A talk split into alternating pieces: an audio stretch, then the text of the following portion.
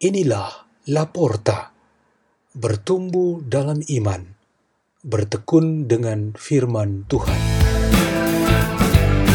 Bersama tim Laporta, asuhan Peter Tukan, Imam Biarawan SDB, Salesian Don Bosco.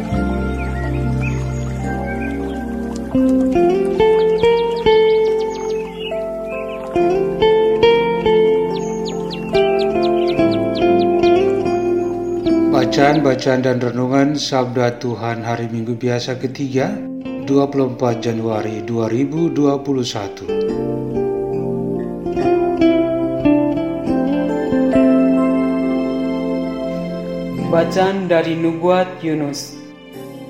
Untuk kedua kalinya Tuhan berfirman kepada Yunus Bangunlah, berangkatlah ke Niniwe, kota yang besar itu. Sampaikanlah kepadanya seruan yang kufirmankan kepadamu. Maka bersiaplah Yunus, lalu pergi ke Niniwe sesuai dengan firman Allah. Niniwe adalah sebuah kota yang mengagumkan besarnya, tiga hari perjalanan luasnya. Mulalah Yunus masuk ke dalam kota itu, sehari perjalanan jauhnya, lalu berseru, Empat puluh hari lagi, Niniwe akan ditunggang balikan. Orang Niniwe percaya kepada Allah, lalu mereka mengumumkan puasa, baik orang dewasa maupun anak-anak, mengenakan kain kabung.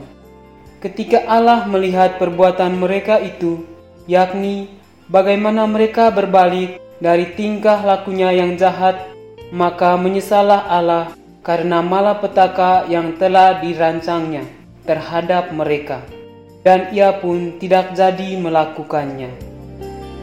Demikianlah sabda Tuhan.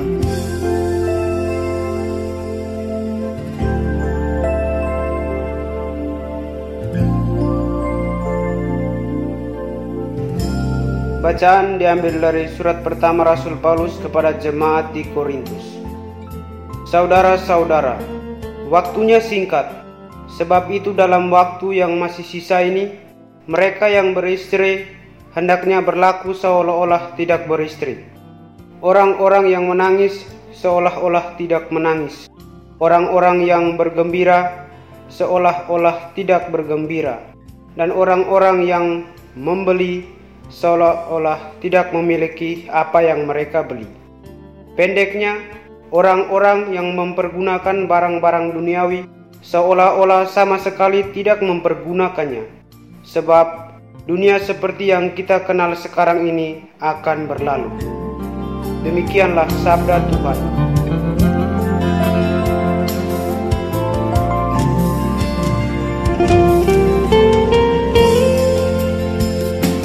Injil Tuhan kita Yesus Kristus menurut Markus.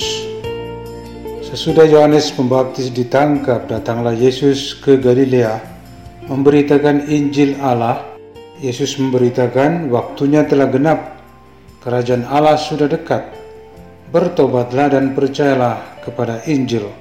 Ketika Yesus sedang berjalan menyusur danau Galilea, ia melihat Simon dan Andreas, saudara Simon. Mereka sedang menebarkan jala di danau, sebab mereka penjala ikan. Yesus berkata kepada mereka, Mari ikutlah aku, dan kamu akan kujadikan penjala manusia. Mereka pun segera meninggalkan jalannya dan mengikuti Yesus. Setelah Yesus meneruskan perjalanannya sedikit lagi, dilihatnya Yakobus, anak Zebedeus dan Yohanes saudaranya sedang membereskan jala di dalam perahu. Yesus segera memanggil mereka dan mereka meninggalkan ayahnya Zebedeus di dalam perahu bersama orang-orang upahannya. Lalu mereka mengikuti Yesus. Demikianlah Injil Tuhan.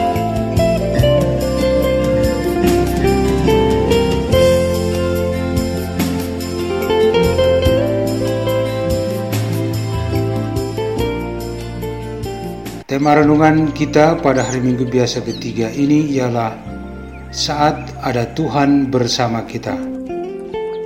Kita umat manusia dan masyarakat di dunia ini punya kebiasaan untuk berhenti dari kegiatan atau pekerjaan ketika orang besar yang istimewa lewat atau sedang berada bersama kita. Mulai dari tamu penting datang ke rumah kita, sampai presiden yang kunjungi kota kita. Ada begitu banyak contoh yang menggambarkan bagaimana norma ini sangat dijunjung tinggi. Jauh sebelum zaman kita ini, praktik itu ada ketika Tuhan datang berkunjung, bersabda dan hadir bersama umatnya.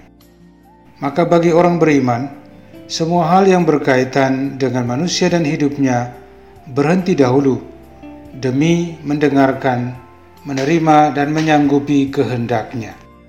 Bacaan-bacaan kita pada hari ini berkisah tentang ini. Nabi Yunus membawa firman Tuhan untuk pertobatan kota besar Niniwe dari dosa-dosanya, jika ingin terhindar dari malapetaka hangusnya kota itu. Firman itu membuat semua warga dan penguasa berhenti. Mereka dengarkan lalu menyesali perbuatannya dan menyatakan diri bertobat. Yesus lewat pada saat para nelayan sedang bekerja di pantai dan laut.